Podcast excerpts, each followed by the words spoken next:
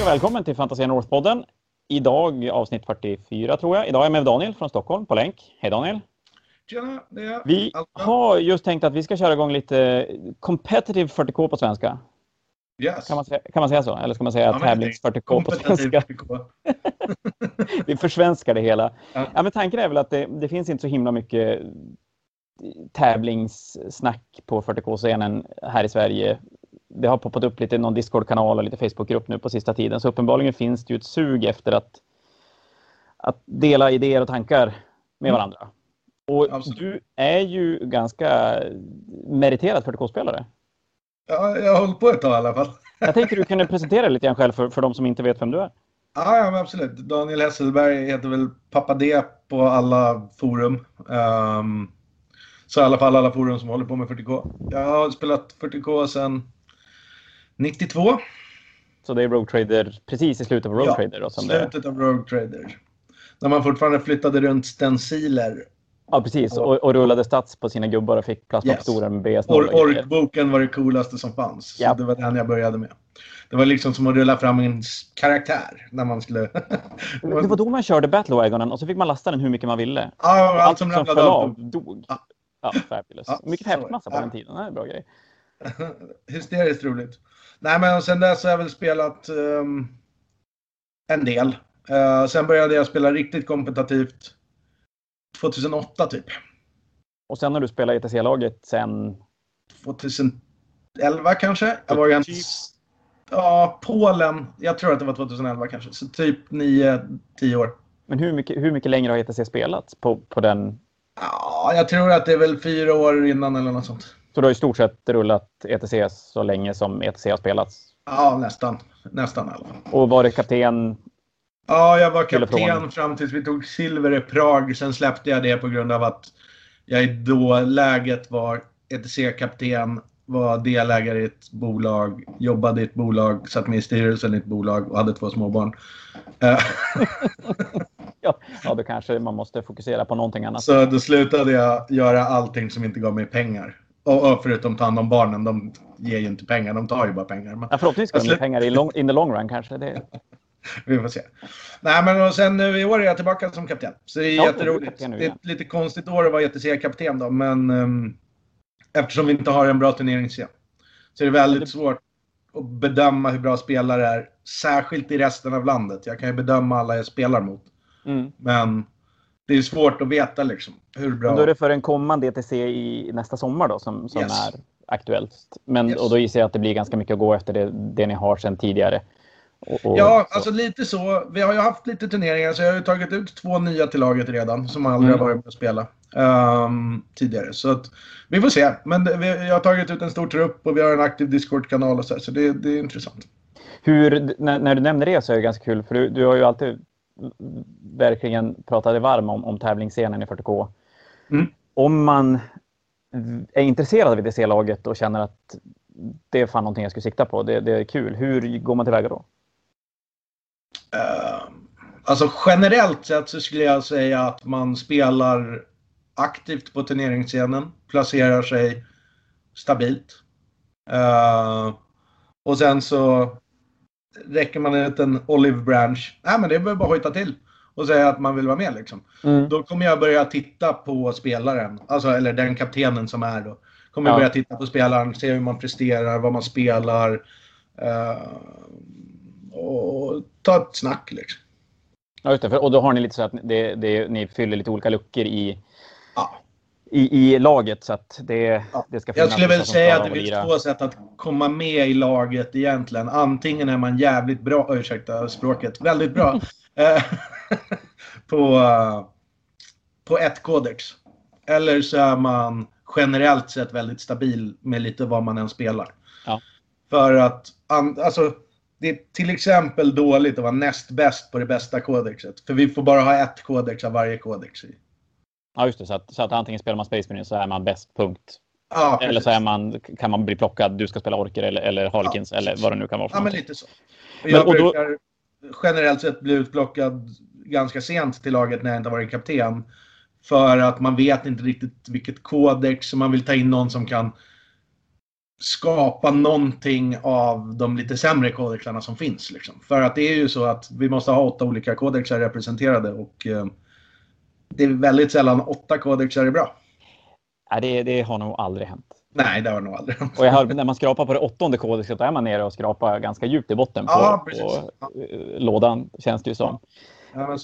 Men då skulle man som sagt, så jag som sitter i Umeå då till exempel, om jag skulle placera mig bra på Fnatic, säg att jag ligger topp tre på, på våran lokala och sen går jag ner och spelar ett, ett par turneringar i Stockholm som jag placerar mig bra, då, då skulle jag kunna vara med i en diskussion om... om Ja, lätt. lätt. Ja, alltså, alla får ju ansöka på något sätt. Jag tycker Mm. väl man ska ansöka sig själv lite innan man ansöker. Det vill säga, hur bra är jag? Hur mycket spelar jag? Eh, och lite sådär. Men hur man- mycket fyller jag alltså- på tärningen efter varje match.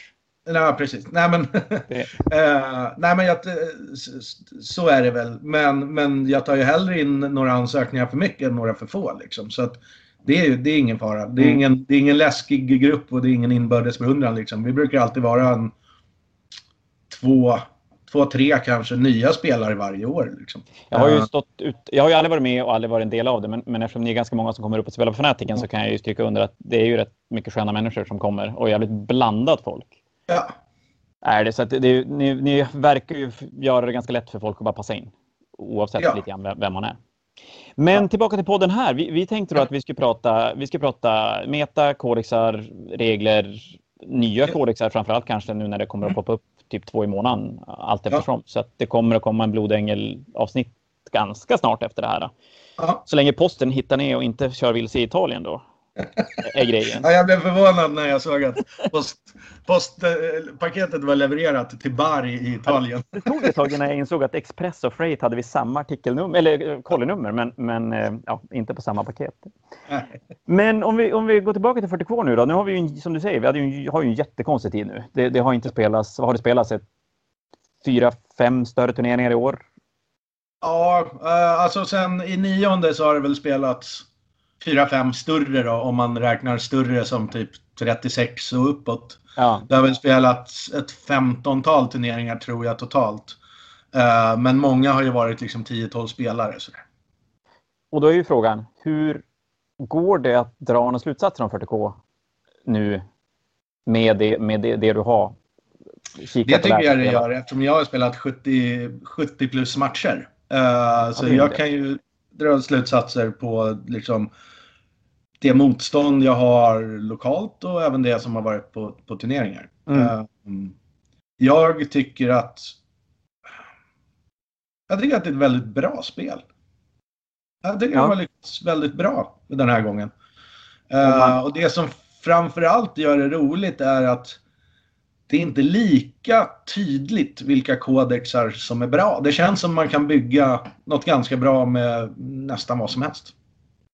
Det är ju roligt. Det är ju inte jättevanligt att vi är där någonstans. Nej. I, och även så här tidigt i en edition så brukar det ganska snabbt sätta sig att de nya kodexarna brukar dominera något det grövsta. Mm.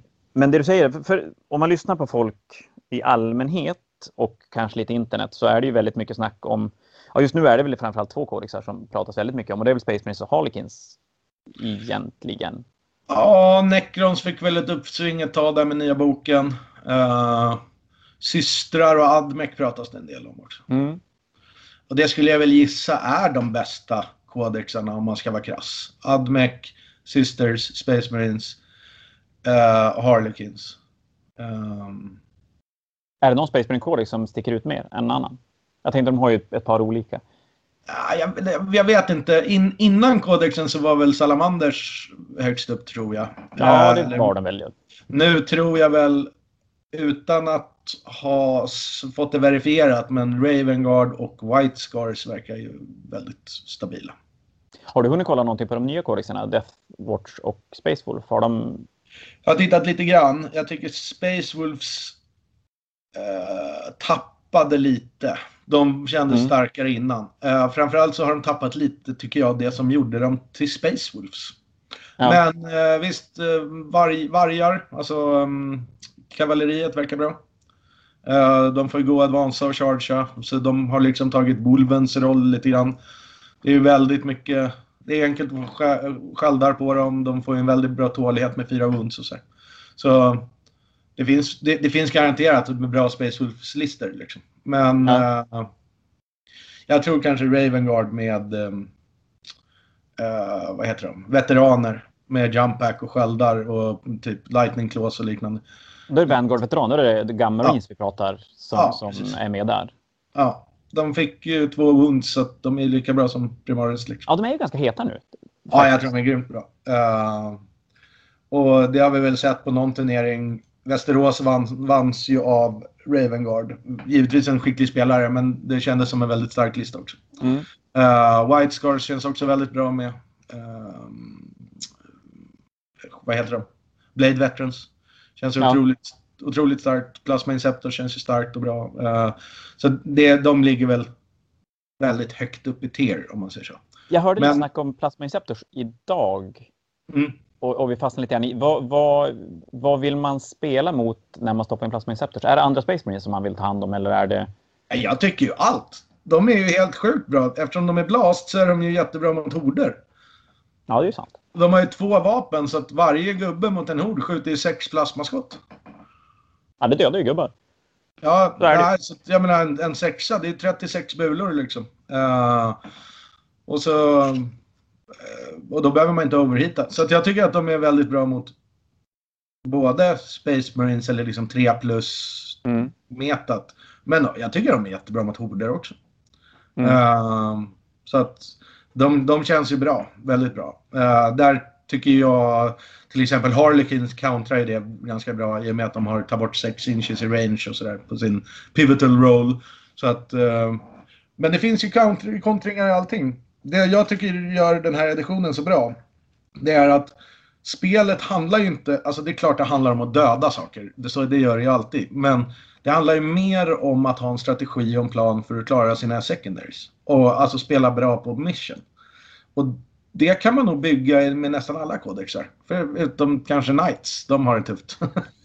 Knights och Tau har det väl lite tufft. Men... Tau låter ju som att de lider ja, men de har ordentligt. De har inte jätteroligt, så är det Men de har, de har haft sina, sina stunder i, i ja. Spotlight ganska många ja, stunder. Jag, jag, klagar inte så mycket för att Tau och Knights är inte sådär jätteinspirerande kodexar att spela eller spela mot. De står liksom i ett hörn och skjuter mest.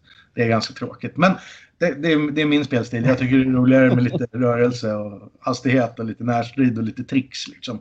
Inte att peka på rätt saker som ska plockas bort. Det är ganska tråkigt tycker jag. Men... Det, är ju, det tycker jag är ganska kul med den här editionen. Att det är ju väldigt mycket så att man, kan man spela sin lista bra så kan det bli bra. Ja. Och där kan det kanske lite svårare att bara uppenbart interneta listor Ja, jag tror, jag tror fortfarande det går att interneta listor, men jag tror att man gör nog man gör sig nog en björntjänst om man inte spelar igenom och tänker igenom vilka secondary som internetlistan är tänkt att ta. Liksom, mm. Och varför. Uh, för det finns ju oftast, i alla fall känner jag när jag gör listor, att det finns ganska mycket tanke bakom vilka HQ man har valt, hur dyra de är för att man ska kunna spela While We Stand In Fight eller inte, liksom, till exempel. Mm. Uh, det skulle i teorin kunna vara värt i min Harlequin-lista att köpa en lite dyrare grej för att min Troopmaster ska bli dyrare än en Starweaver. Så att jag kan spela While We Stand We Fight med karaktärer istället för med en, en pappersbåtar. Ja, det är en tanke. Hur, eh, när du bygger listor, sätter du oftast sekundära ganska, alltså du har typ så här, har du tre som du vet att de här kommer jag att spela eller har du några stycken som du väljer mellan beroende på vad du möter för någonting? Jag skulle säga att jag har, eh, bygger nästan alltid så att jag kan klara två. Oavsett vad jag möter. Mm. Och de som är återkommande skulle jag väl säga är eh, Engage on all fronts. Vill jag nästan alltid ha. Mm. För att om man inte har åtminstone tre quarters så kommer du inte vinna matchen. För då står du inte på knapparna. Så då vinner du inte på primary i alla fall. Lite, Nej, just det. Nej. Lite så.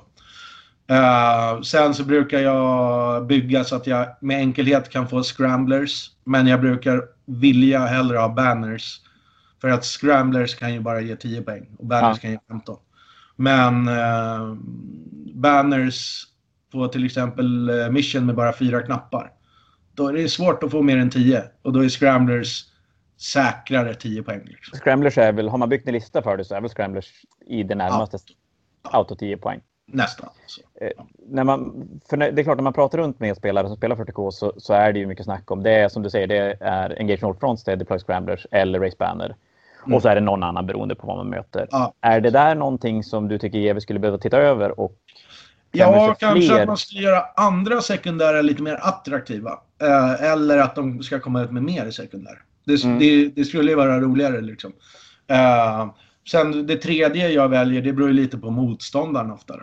Så att då räknar man liksom hur många karaktärer har motståndaren, hur mycket vehicles, hur mycket... Och så tar man det lite den vägen. Liksom. Ja. Uh, men det finns ju, alltså i teorin, om man tittar på min Harlequin-lista så kan jag inte ta bort min uh, Shadow Seer. För han är för viktig i listan. Men för många listor så är det ju en möjlighet att inte ha någon Psyker. Och då kan man ju väldigt ofta spela um, Abore the Witch till exempel, som ett ganska starkt mission. Ja, det är klart. Och det är ganska mycket Psykers i ja. många listor ändå. Ja. För det har ju blivit rätt bra, tycker jag. Mm. Däremot tycker jag de andra Psychic Ability sekundära är ohyggligt svåra. svåra att klara. Ja, de är svåra. De är kanske lite onödigt svåra. Ja, det skulle att, att måste stå i mitten och börja kasta magi med sina ja, alltså, tungt. Den var ju okej okay, fram tills de konstaterade att det var samma unit som behövde göra det. Ja, ja, då blir det ju... Ja, och då blir det ju så här, oj, den där uniten, den ska jag nog döda. För att... ja. Både, får jag både döda en striker och ta bort ja. de där sekundära ja. poängen? Det var ju mycket snack om Blast i början, i början på nionde editionen. Att, att Blast ska göra horder helt värdelösa. Yes. Och stridsvagnar ska kunna skjuta i närstrid och då skulle de bli jätte, jättebra. Vart har vi landat någonstans i... Inte där tycker inte jag i alla fall. Jag sitter själv tillsammans med några andra och skissar på om inte horder egentligen är sjukt starkt. För mm. om man spelar till exempel 200 pinks. Då kan man ju slå sig av så mycket av brädet så motståndaren kan inte få engage. Man har så mycket obsec och så mycket saker på knapparna så de kan inte ta ens knappar av en. De kanske inte ens kan klara scramblers för de får liksom inte fysiskt plats där. Uh, man kan screena av liksom. Uh, mm. Och det är ingen som har så mycket blast weapons så de skulle kunna arbeta sig igenom 200 pinks. Liksom. Nu säger jag inte att man ska spela det här för det låter ohyggligt tråkigt men när man man måste ju liksom tänka på vart metat är på väg. Och jag tycker att tanks med blast, det känns ju mest som ett lur. För det är ju bara att peta på dem med vad som helst så får de inte skjuta med det där blastweapnet. stridsvagnar, jag... stridsvagnar vill du egentligen ha massa dackar på. Ja, precis. I massor. Hur stridsvagnar? Hur, jag, jag tänker nya Space Marine Cordiset tog ju bort framförallt Repuls som försvann ju som helt nästan ur den. Mm. Från att ändå ha sett ganska mycket spel innan. Impulsen försvann väl också eftersom den tappade ja, fly. den försvann också. Nu är det ju mest för Redemptor Dreadnought känns det som, som ja. ser spel. Det var mycket dreadlister som jag har sett. Jag vet inte, alltså problemet man har med vehicles, att ha lite vehicles, det är väl okej. Okay. Men eh, för vehicle-tung lista kommer jag alltid bort 15 poäng i secondary på Bring It Down. Så ja. jag tror ju att man gärna ska jobba lite balanserade listor. Liksom. Men, och, och lyckas de göra det så har de ju lyckats bra. Mm. Rent designmässigt i spelet också. Ja, För det är väl inte så ofta vi har sett balanserade listor, eller listor som blandar lite allt möjligt, vad det Nej. som är absolut bäst. Nej, jag tycker ju till exempel att det kan vara schysst att ha, du vet, tre, fyra tanks. För då måste motståndaren välja kanske ett secondary där de inte kan få max. Alltså då blir det så här. Ja, jag tar nio poäng på att döda dina tanks. Och då, där finns det en diff på 6 poäng som mm. jag kan vinna upp på att ta 15 i min secondary. Så det man skulle kunna säga då, om man sammanfattar, det är egentligen att, att bygga en lista som klarar två själv. Och gärna och räkna på att motståndaren kommer att klara två av sina, men att ta bort den där tredje sekundära då som ja, gör inte, inte gör det så uppenbart för, för motståndaren. Man ska gör den svår och oattraktiv. Ja. Det tror jag är ett framgångsrecept för att stabilt spela in mycket poäng. Sen, jag menar, sen säger jag så här att det inte är viktigt att döda och så vidare. Det där är ju lite raljerande för det är såklart att om man skjuter eller boxar sönder hela motståndarens armé i runda två så kommer man ju ta 20-0 liksom. Ja, det är väldigt uh, svårt att plocka, plocka hålla, det är väldigt svårt att ta upp knappar om man inte har några gubbar. Ja, precis. Så det är såklart att den aspekten finns fortfarande. Men jag tycker inte att den är riktigt lika viktig uh, som det har varit tidigare. Nej, men det är känslan jag har fått också. Nu har jag inte spelat 70 matcher, ska jag ju ärligt säga. Eh, jag har spelat färre Vi, vi nöjer oss med det. Men ja, det, det, är ju, jag plockar upp mina, mina gamla tyrannider från åttonde och har tappat rätt mycket punch men inser att det funkar rätt bra att vara mycket gubbar. Mm. Och vara lite överallt. Tålighet är ju också någon form av offensiv kraft i nionde tycker jag eftersom det inte handlar riktigt lika mycket om att döda som att stå på rätt plats och få poäng. Liksom. Så att tålighet har också ett lite större värde än vad det hade tidigare kanske. Och det gör väl att Death Guard också har poppat upp lite, lite här och där som en... Ja, precis. Funkar. De blev ju väldigt hypade. Jag har inte sett att de har gått bra och jag har aldrig förlorat mot dem själv tror jag. Nu kommer säkert någon kommentera och säga jo, men jag vann. jo, jo, visst det. Men, jag vann en gång. men Death Guard och Custodes var väl två arméer som blev ganska upphypade i början på 800 Ja, precis. Som, som jag inte riktigt har sett att det har funkat på, på riktigt då. Uh, på turneringar eller sådär. Men inte, jag säger inte att det är dåligt, jag bara säger att andra saker kanske har varit bättre. Är det någon jag... armé som överraskar som känns som att den här såg ingen att den skulle funka men, men att den har ändå gjort resultat? Eller är det så att man, man ändå har haft en ganska bra idé på vad som funkar och inte funkar? Jag tror väl att man har haft en ganska bra idé egentligen. Men det är såklart att det dyker ju upp alltså. Det är ju jättekonstiga listor som vinner turneringar ibland. Jag har ju sett superknasiga orklister och um, tyrannidlister som har varit, som jag inte alls förstår, som har vunnit hyfsade turneringar utomlands. Det där måste jag passa på att fråga dig då. Mm. För, för, jag tycker alltid man hör, man snackar om dåliga listor, Grey Knights är jättedåliga, då kommer någon, ja men jag hörde en, en GT i Australien, där vann Grey Knights. och så sen kommer det så här, tyrannider, ja men de är inget bra. Så, men jag hörde i Australien var det en GT där det var tyrannider som vann. Ja. Vad är det med australienare? Du har ju säkerligen ja. spelat mot ett gäng av dem. Är de bara så här fantastiskt jävla superduktiga och, och Nej, fattar allt? Eller det skulle jag inte säga. ett eget meta i, ute på en ö i havet någonstans? Ja, men det kan ju vara så. Eller så har man klurat riktigt mycket på hur ens lista ska funka. Mm. Och så spelar man på ett sätt som gör att mot... Alltså, eh, utan att klappa mig själv på axeln, men som jag spelade med hästarna till min BA-armé. Eh, jag säger inte att det var fantastiskt tänkt av mig, för det var ett helt givet drag. Men det var ingen annan som hade stoppat in bara de där hästarna i en, i en annan Space Marine-lista. Och du vann, liksom. fanat och vann fanatiken med det? Ja, precis. Och framförallt så var det ju så att folk förstod inte hur de skulle spela mot det. Det var faktiskt därför jag började spela Harlequins, för att jag vann så stort mot alla Harlequin-listor. Jag tycker att de är så bra. Mm. Så jag tänkte så här, om jag börjar spela Harlequins, hur skulle jag själv kontra mina egna hästar? Uh, och så blev jag liksom, ja men skulle, man skulle kunna göra så här, man kan skjuta och sen kan man fire and fada till objektivet efteråt med obsec och så här. För det var så jag spelade. Uh, jag stod istället liksom hästar runt objektiv. Om man sköt bort dem så kom man inte till objektivet. Om man chargeade så gick jag bort så då kom man inte till objektivet. Nej. Så att motståndarna fick inga primary poäng och så blev de väldigt frustrerade och så overcommittade de in i hästar som kostar 80 poäng för fem hästar. Så att mina BA-gubbar, som egentligen var det som var bra, fick väldigt ofta vara i fred och göra all skada. Och, uh, och ta alla poängen. Ja, precis. Och jag tror att när man hör så här att det är någon skön filur i Australien som har vunnit med någon jättekonstig NIDS-lista så är det ju nog ganska mycket tanke bakom det. Alltså, eh, man skjuter sådana här Biowar Spore Mines för att stå i vägen och låsa in fienden så de inte kommer någonstans. Och Alltså, man arbetar med mycket, liksom, man sakar saker för att påverka motståndarens movement och liksom ställa till det. Så att man själv stabilt kan spela in sina poäng. Liksom. Så innan man kastas över en vinnarturneringslista i Australien, eller vilken turnering den är, så är det värt att kolla lite grann på hur listorna sett ut i övrigt? Ja, kanske. Och fundera på varför den var bra. Vad det mm. var som funkade. Sen kan det också vara värt att titta vad mötte man. För jag menar, man kan ju gå 5-0 och ha en lista som är sämst i universum på att spela Space Marines. Men man slapp spela Space mot Space Marines för att det blev så i pairingen. Liksom. Ja, ja, det är klart. Och spelar man ett win-loss och inte spelar full antal runder så kan det ju verkligen bli så också ja. att man, man ja. dodgar listor. Ja. Och då kom jag osökt in på, ja det här är ju min grej, min lilla bebis 20-0-grejen. Eh, Winloss har ju tagit över som, som turneringskoncept ganska ordentligt nästan ja. överallt. Och, och, vi truggar vidare på 20-0-systemet. Hur stor skillnad gör det i listbyggen? Om man ska spela Winloss eller 20-0? Jätte, jättestor skillnad, tycker jag. För att um, jag menar, om man ska dra det extre- till en extrem då, så skulle man ju kunna vinna eh, en match med 199. Mm. Och om man, om man spelar ett sånt system, då behöver man ju bara tänka på hur jag ska få mina 100 poäng. Jag behöver nästan inte tänka på hur jag ska denia dig att få poäng. Jag menar, det är klart jag vill göra det. Minst ett poäng vill jag denia dig någonstans.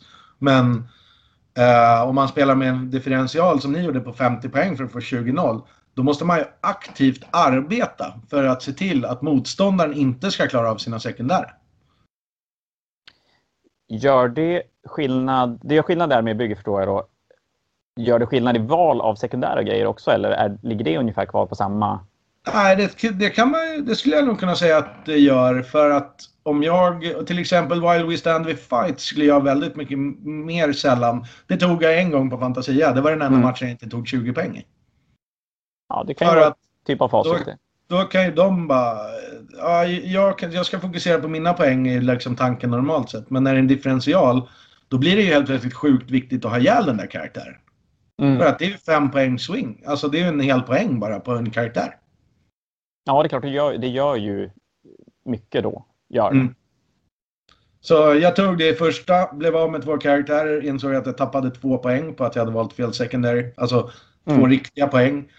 Eh, och sen tog jag inte det något mer. För att det, det kändes lite som att jag gav min motståndare möjlighet att stjäla poäng av mig. Medan jag ville snarare arbeta åt andra hållet. Att jag skulle vara den som poachade och styrde vart jag skulle hitta mina poäng. Liksom. Inte att Mm. han skulle kom, göra ett dåligt drag bara för att spränga en karaktär och få fem poäng. Alltså, vilket... Jag säger inte att det var så i den matchen, men det skulle mycket väl kunna vara så att man... Ja, men jag suicidar någonting här. Dödar din den karaktären, fem poäng till mig. Så nu kommer du inte få 20-0. Alltså lite... Nej. Är, är spelet... Ja, nu blir det dina åsikter. Är spelet bättre med någon av de här systemen eller är det roligast om det faktiskt blandas och spelas olika?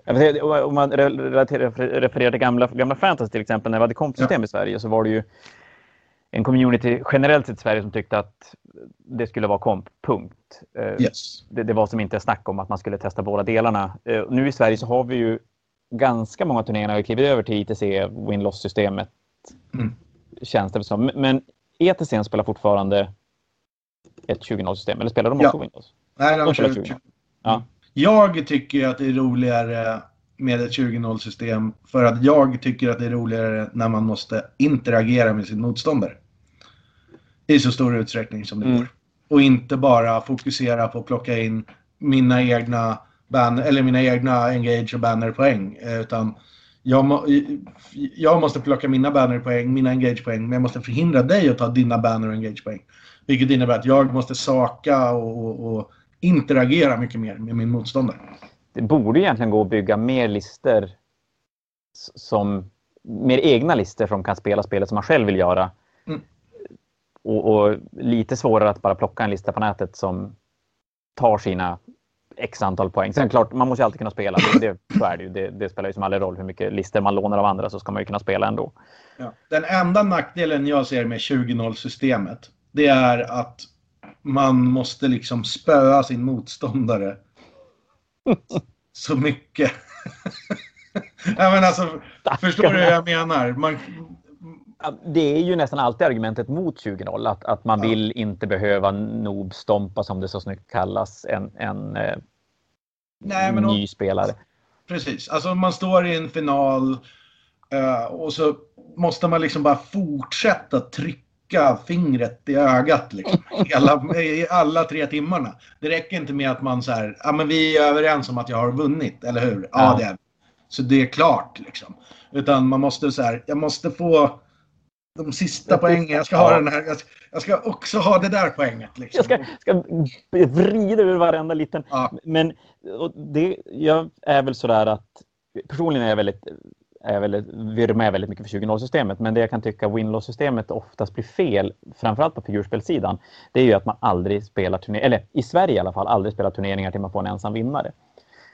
Nej, det, det, ibland, men sällan. Ja. Vilket gör att är man 50 plus så är det otroligt svårt att hinna det. För då måste Ja. man spela sex matcher och då måste Ja. man nästan spela en på fredag kväll för att det ska funka. Och, och det är väl ingen som gör det. Och, och då hamnar man i ett läge där du, du har ett win-loss men du, du måste ändå blöda eller pressa ur poängen och motståndaren Yes. att inte riskera att tappa en tiebreaker i slutändan.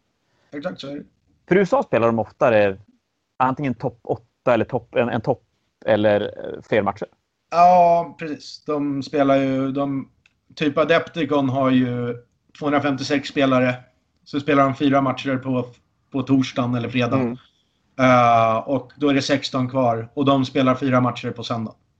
Och då har du en vinnare. För då är ju win-loss-system Ja. bra, tycker jag. Ja, För, för då blir det ju så att då, då har du ju den enda som vann alla sina matcher. För det är ju nästa argument mot 20-0 att man kan faktiskt förlora en match och ändå vinna turneringen och det brukar ju sticka i ögonen på, på folk. Ja precis. Fast det, det, det här argumenterar jag ganska ofta för att eh, om, om man kör det här systemet som GV föreslår nu, då kan man ju vinna alla sina matcher med 99-100. Det är inte en vinst. Det är Nej, lika. inte- Ja, ja gud ja, det, det, det, Det är det, liksom- räknas inte. Nej. det, är inte, FN, det är inte en sån här tactical mastermind som tog ett poäng av 100 extra. Det är liksom... Det är kantboll liksom. Jag slog en för kort run för att inte ta 100 poäng själv liksom. Ehm, så, ja. Jag, vet inte, man kan argumentera för både och. Uh, såklart. Ehm, jag, jag, jag tycker båda är kul. Jag, jag kan spela båda. Det är okej. ja, men det, liksom. det kanske är så att det är roligt att det finns båda delarna. Men, Ja. men att det, det är bra om turneringar ändå känner att ett 20-0-system, man kan göra det ibland och, Ja. och variera lite grann. Det är bra för ETC. Man, man kan vända på det. Det finns en väldigt tydlig nackdel tycker jag med win loss system. Och det är ju att om jag vill vinna en turnering och så tar jag en liten förlust. Då kan inte jag vinna längre och då kan jag kanske välja att gå hem. Ja, det, det är ju ett Drop problem. Vet rate i. USA är ju en jättestor grej. Det är ju det, det är säkert 10% som går efter, alltså som slutar spela efter varje match. Bara för att, ju- ja men nu kan inte jag komma bra längre så nu går jag till baren istället. Liksom. Och det är skittråkigt när man, när man som turneringsarrangör står där och har slitit massa skivor och terräng och grejer och så sen får, används det en gång. Och, så att, och- nej, den. Ni får inte quota mig på 10% för det var bara något jag hittade på. Men det, man märker ju att det blir tunnare och tunnare i lokalen när man är i USA och spelar. Ja, men det kan jag ju tänka mig. Att är man där för att vinna och förlora första matchen så Ja. direkt man vet att man inte kan vinna så är det ju egentligen bara att skita i det. det Ja. För det är klart, spelar man som du säger, har du spelat 70 matcher 40K på är det fyra månader den har funnits? Tre månader? Ja, kanske. Mm. Då, då kanske man inte behöver spela den där sista matchen Nej. Och, och, och stå och rulla lite tärningar i, utan att det egentligen ger någonting. Nej. Alltså jag spelar ju, jag droppar aldrig. Enda gången jag droppat någon match överhuvudtaget är när jag försovit mig på Fantasia en gång. Är det bara en gång? Ja, Ja. det är brorsan som har, har gjort det flera gånger. Så är det väl faktiskt. Men om vi går tillbaka till lite 40K-kodexar och grejer. Vilket kodex behöver absolut mest en update nu? Har du någon åsikt i det?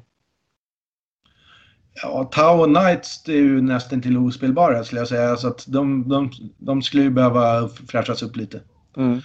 Uh, Kan de lösa Knightsen på något sätt? nej, det blir svårt alltså. Kanske om de blir obsec. Deras problem är att de kan, har ju liksom inget spel på knapparna. Nej, just det. De har inget obsec alls. Att Nej. du kan gå dit och ställa vilket skit som helst. Ja, man bara, "Ah, jag ställer fem skräp. Ja, okej. Fem skräp är mer än ett skräp. Så bara, ja, du fick knappen. Och Tau, det är klart Tau, där kan de göra lite grann vad de vill. Där, där finns det ju mycket möjligheter att bygga annat med dem. Yes. Sen är ju frågan vad, och det här vet jag inte vad spelvärlden tycker och jag vet inte ens vad jag själv tycker. Men det som, och det har inte med Codex att göra, men en update som skulle kunna vara intressant, det är att lägga in endgame scoring missions eller endgame scoring poäng på något sätt. För idag kan jag känna att i runda tre så vet man hur matchen är. Mm. Och resten är- handlar bara om att fortsätta göra samma sak. Liksom. Eh, i, när man har endgame scoring då kan det ju finnas lite tricks och shenanigans som gör att man står på alla knapparna endgame och ändå drar en liten vinst när det såg ut att vara en förlust. Och så här. Det finns inte riktigt längre. Visst är det en ITC-grej? Visst har de en game scoring där? Eller har de inte det? Nej, det tror jag inte. De kör, Utan... de kör så vitt jag vet... Nej, det är Killmore är det som de har också, som en tredje grej. Ja, det, ja historiskt har de haft Ja, historiskt, ja men precis. Ja, absolut. Historiskt har det ju alltid varit endgame scoring. Och sen mm. har de haft så här killmore och, och kort. Så att de har haft killpoints, kort och knappar egentligen historiskt. Ja. Uh, nu tror jag att man kommer köra... Uh, eller diskussionen är ju att man ska köra ett 20-0 system. Även på ITC? Ja, eller WTC ja. som det kommer heta nu då. Men, ja, uh, och att, men att man ska köra väldigt kodexnära. Eller regelboksnära. Ja, de jobbar sen, ganska nära med GV i, ja, i designen också så yes. det verkar väl dumt om de hittar på något eget. Yes. Och, och sen så är väl diskussionen där att man inte ska få ha sina fraction-specifika secondaries.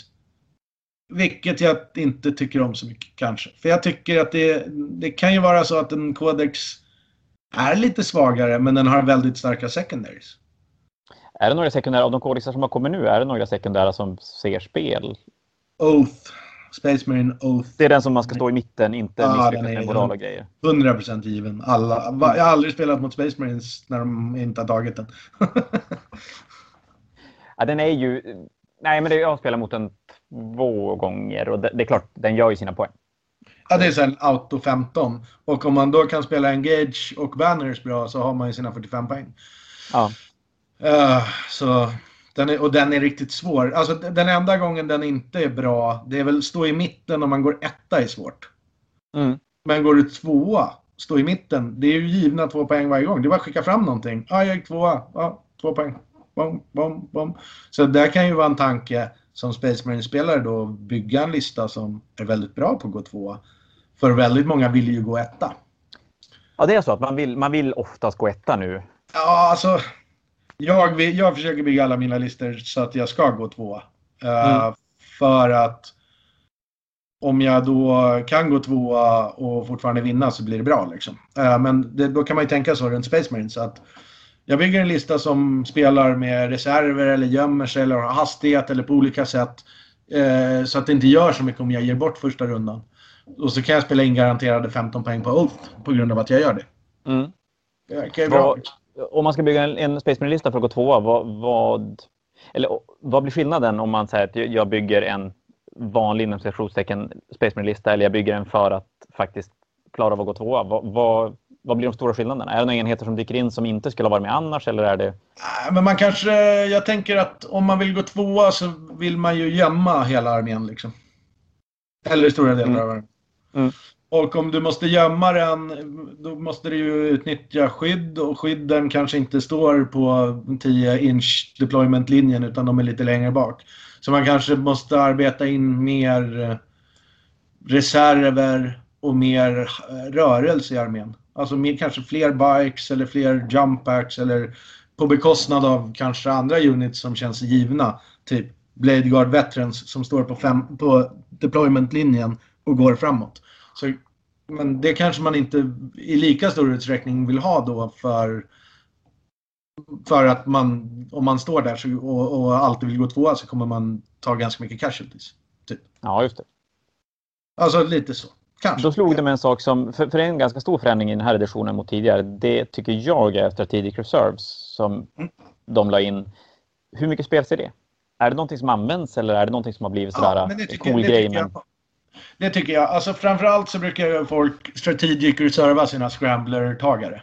Mm. Så de brukar hamna i reserv bara för att de ska kunna gå in och plocka sin scrambler. Ja. Uh, sen tänker jag att folk använder det för att när man står vid bordet och tittar och så ser man så här, jag kommer ändå inte kunna gömma de här grejerna.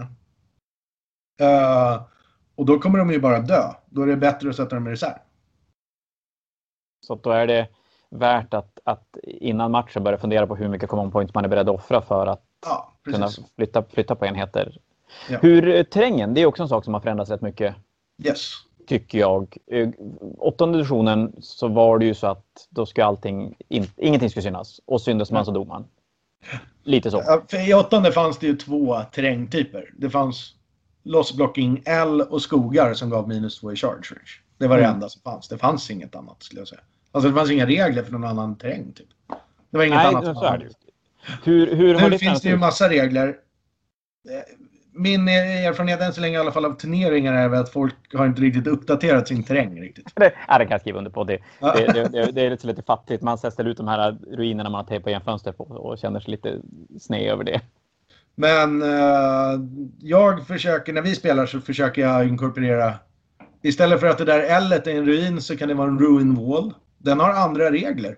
Och mm. den är inte obscuring. Så den, den kan ju vara helt låst och inte ha några hål. Men den blockar inte av så mycket som en, om den vore en ruin. Liksom. Så man kan ju spela med saker man har fast med andra regler. Uh, barricades andra regler, det är intressant. Uh, uh, containrar och grejer. Så att, vi försöker väl kasta in några andra element. Men det är inte som att vi tar alla saker som finns och bara... Det blir så jävla rörigt. Varje, varje bord har två Imperial Statues. Liksom. Nej, Fyra timmar senare, då har vi diskuterat färdigt terrängen. Nu kör ja, vi. Nej, nej, så är det inte heller. Men, men jag tycker att det är schysst att man, att man försöker använda dem. För det, det finns ju jättestora fördelar. Liksom. Hardcover, man får plussa till save. Jättestor grej. Alltså närstrid liksom. Mm. Det kan ju vara en jättestor skillnad eh, för vissa arméer. Så att jag tror att det är bra om man man har några skogar, man har några ruiner. Sen kanske man har, istället för de där extra ruinerna, har man ruined walls, barricades, containrar. Man kan ju fortfarande liksom, om man vill att det ska vara ett L på grund av att man tycker att det är bra att ha det så på bordet. Ja, men man kan väl ha ett container-L då. Det är i alla fall lite andra regler. Liksom. Ja, det blir ju det är ju kul när borden ser lite olika ut när man spelar. Hur, hur mycket påverkar det armébygget? Är det någonting man ska ta hänsyn till när man bygger listor? Att, att terrängen kan vara olika eller ska man göra sin lista och sen anpassa sig när man kliver ut på, på spelbrädet? Det där, det, kring det här tvistar de lärde. jag, jag tycker ju alltså jag tycker inte om det jag kallar corporate 40K, 40K. Det vill säga att man har typ en karta och så ser alla bord likadana ut. Nej. För att det straffar vissa arméer något helt enormt. Sen kan ju folk tycka att jag är, bara för att jag äger 18 målade Smashagans kan ju sitta hemma och gråta. Men jag menar, på borden som de var, det gick det inte att spela Smashagans. För det fanns ingenstans att skjuta, man såg ingenting. Uh, och jag har inga problem att vissa bord är så. Jag tycker man kanske ska ha så här tre nivåer av bord. Uh, light, medium and dense cover, typ. Mm. För det är ju ganska roligt om man har en lista som inte kan spela mot en viss typ av skyttelista. Men sen så får man ett bord som är väldigt terrängfyllt och så vinner man mot just den listan på grund av att man är på en turnering som har varierad terräng. Men man hade förlorat på en annan. Det, det liksom har ju en viss random-faktor i det. Om alla är exakt likadana då, då premierar det list, ett visst typ av listbygge och det premierar garanterat vissa kodex. Ja, det blir väldigt svårt för då, blir ju, då, då kommer ju metat att pratas kring hur det spelas med, med den terrängen. Och det blir ja. väldigt svårt för de som spelar hemma då och inte spelar med den ja. terrängen men spelar de listorna och, helt och ser ett helt annat resultat än de blir där. Ja. Så jag tycker det är roligare om man har lite, lite olika. Sen det är ingen som tycker att det är kul att komma till ett bord utan terräng. Alltså, Nej, det är ju en del av 40K att det ska ju vara grejer. Det ska vara grejer man måste kunna gömma sig och så här. Men men det är också tråkigt om man har en skyttelista och gjort någon cool, eh, jag vet inte, taulista. Och så får man aldrig skjuta några skott för att det finns, man ser ingenting. Det är också ganska tråkigt liksom. Uh, så att jag tycker att det är schysst att man varierar lite. Det premierar ju också att man bygger listor som kan spela på lite blandade bord. Ja, och det premierar ju också duktiga spelare. Så man kan anpassa sig lite grann efter ja. vad de... När, när, när ska man gå in för att vinna och när ska man inte släppa poäng?